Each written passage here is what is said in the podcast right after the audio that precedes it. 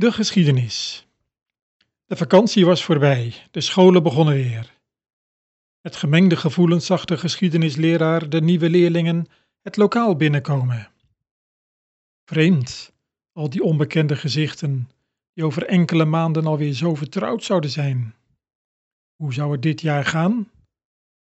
Het werd langzamerhand steeds moeilijker om het vak geschiedenis te geven.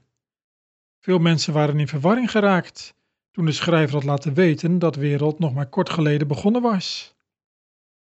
In sommige delen van wereld was het vak geschiedenis zelfs verboden, omdat wat de wetenschap over de geschiedenis beweerde in strijd zou zijn met wat de schrijver had bekendgemaakt. De leraar had zich voorgenomen hierover maar direct in de eerste les te beginnen.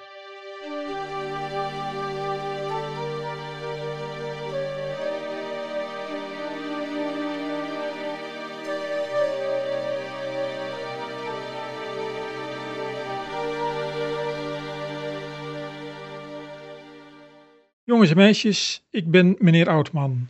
Ik geef jullie dit jaar het vak geschiedenis. Ik ben benieuwd wat jullie ervan verwachten en wat je graag zou willen leren. Ik zal jullie ombeurten de gelegenheid geven hier wat over te zeggen, dan leer ik gelijk jullie namen een beetje kennen. Erg ordelijk zou het echter niet worden, want al direct riep een opgeschoten jongen, die er blijkbaar plezier in had de aandacht te trekken, ik hoef helemaal geen geschiedenis. Mijn vader zegt dat het allemaal onzin is. De wetenschap beweert dat we een geschiedenis hebben die al duizenden jaren oud is. Maar we weten toch allemaal dat de wereld helemaal niet zo oud is? Vertel eerst eens hoe je heet. Arnold Jongling, meester. Zo, Arnold. Dus jij denkt dat geschiedenis onzin is? Ja, meester. Want de schrijver heeft wereld pas 91 jaar geleden laten beginnen. Daar hoeven we dan toch geen jaren les voor te krijgen?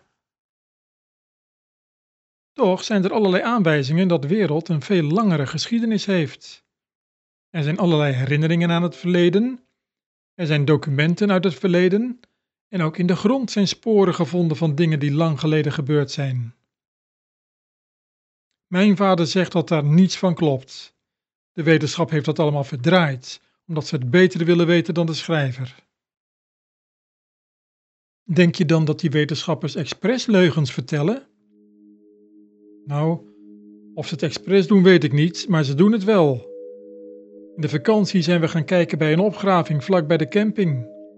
De opgravers vertelden dat ze nieuwe sporen hadden gevonden van de slag bij volle maan. Mijn vader zei dat je toch duidelijk de sporen van de grote overstroming kon zien maar daar hoor je die opgravers niet over.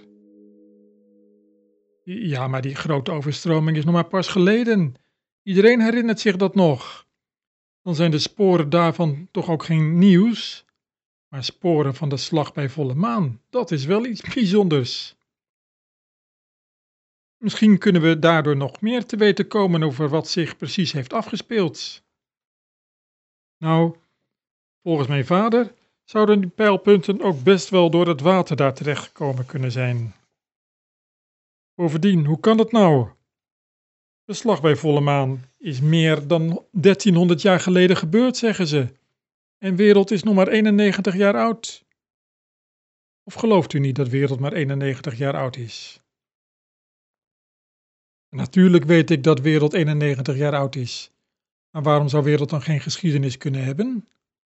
Waarom zou de schrijver geen geschiedenis voor wereld hebben kunnen bedacht? Ja, natuurlijk, de schrijver kan alles. Maar het zou toch niet eerlijk zijn als hij een geschiedenis in de grond had gestopt die niet echt is? Waarom zou dat niet eerlijk zijn? En waarom noem je dat niet echt? Bijna iedere schrijver die ik ken begint zijn boek zonder de hele voorgeschiedenis te vermelden. Bijna ieder boek veronderstelt al een hele geschiedenis als het verhaal begint. De personages in het boek zouden het begin van het verhaal ook niet kunnen aanwijzen. Denk jij dat een schrijver pas eerlijk is als hij zijn boek helemaal aan het begin van de geschiedenis laat beginnen? Dat lijkt me tamelijk saai worden als ieder boek weer helemaal bij het begin moet beginnen. Trouwens, kan dat wel? Hoe zou wereld er zonder geschiedenis uit moeten zien? Nou, gewoon, zonder geschiedenisboekjes en ook niks om op te graven. Maar denk er eens wat dieper over na. Zouden er wel sterren kunnen zijn? Het licht van de sterren doet er jaren over om hier te komen. Als er dus sterren zijn, zit daar ook al geschiedenis in. Zouden er bomen kunnen zijn? Bomen doen er jaren over om groot te worden. Als er dus bomen zijn, zit daar ook al geschiedenis in. Iedere toestand die wij ons kunnen voorstellen, komt voort uit een andere toestand en veronderstelt dus een geschiedenis. Dus hoe moet je beginnen? Nou, volgens mij was het helemaal niet nodig dat de schrijver de slag bij volle maan heeft bedacht, als het toch niet echt gebeurd is. Nou, blijkbaar denkt de schrijver daar anders over. Misschien had hij de slag bij volle maan toch ergens voor nodig in zijn verhaal. Wij kunnen niet verder kijken dan wereld. De schrijver heeft wellicht een doel dat verder gaat. Ja, maar de schrijver heeft wereld toch in zes dagen bedacht. Maar de geschiedkundigen zeggen dat beschaving van wereld er duizenden jaren over heeft gedaan om zo ver te komen als we nu zijn. Ik denk dat je tijd van de schrijver verward met onze tijd. De schrijver heeft een heel andere tijd dan wij. Hij kan gemakkelijk een paar jaar beschrijven in een paar uur, maar voor een paar minuten heeft hij misschien wel een paar dagen nodig. Bedoelt u dat die zes dagen dan niet echt zes dagen waren, maar zes hele lange perioden? Nee, dat bedoel ik niet. Ik weet ook niet zeker wat er precies wordt bedoeld. Niemand van wereld is erbij geweest toen de schrijver het heeft bedacht. Dus eigenlijk weten we niet precies wat ermee bedoeld wordt. Misschien waren het voor de schrijver echt wel zes dagen. Maar het kan ook dat hij het vooral een goede manier vond om het uit te leggen. Ik begrijp niet wat u bedoelt. Als de schrijver het heeft over een dag, dan kan het toch niet duizend jaar zijn? Dat komt omdat jij denkt dat de schrijver in dezelfde tijd leeft als wij. Maar stel nu eens dat de schrijver een heel andere tijd heeft. Dat wereld 91 jaar oud is, hoeft dan niet te betekenen dat de schrijver ondertussen ook 91 jaar ouder is geworden. Misschien kost het hem geen enkele moeite om een paar hoofdstukken terug te gaan en daar nog wat te veranderen.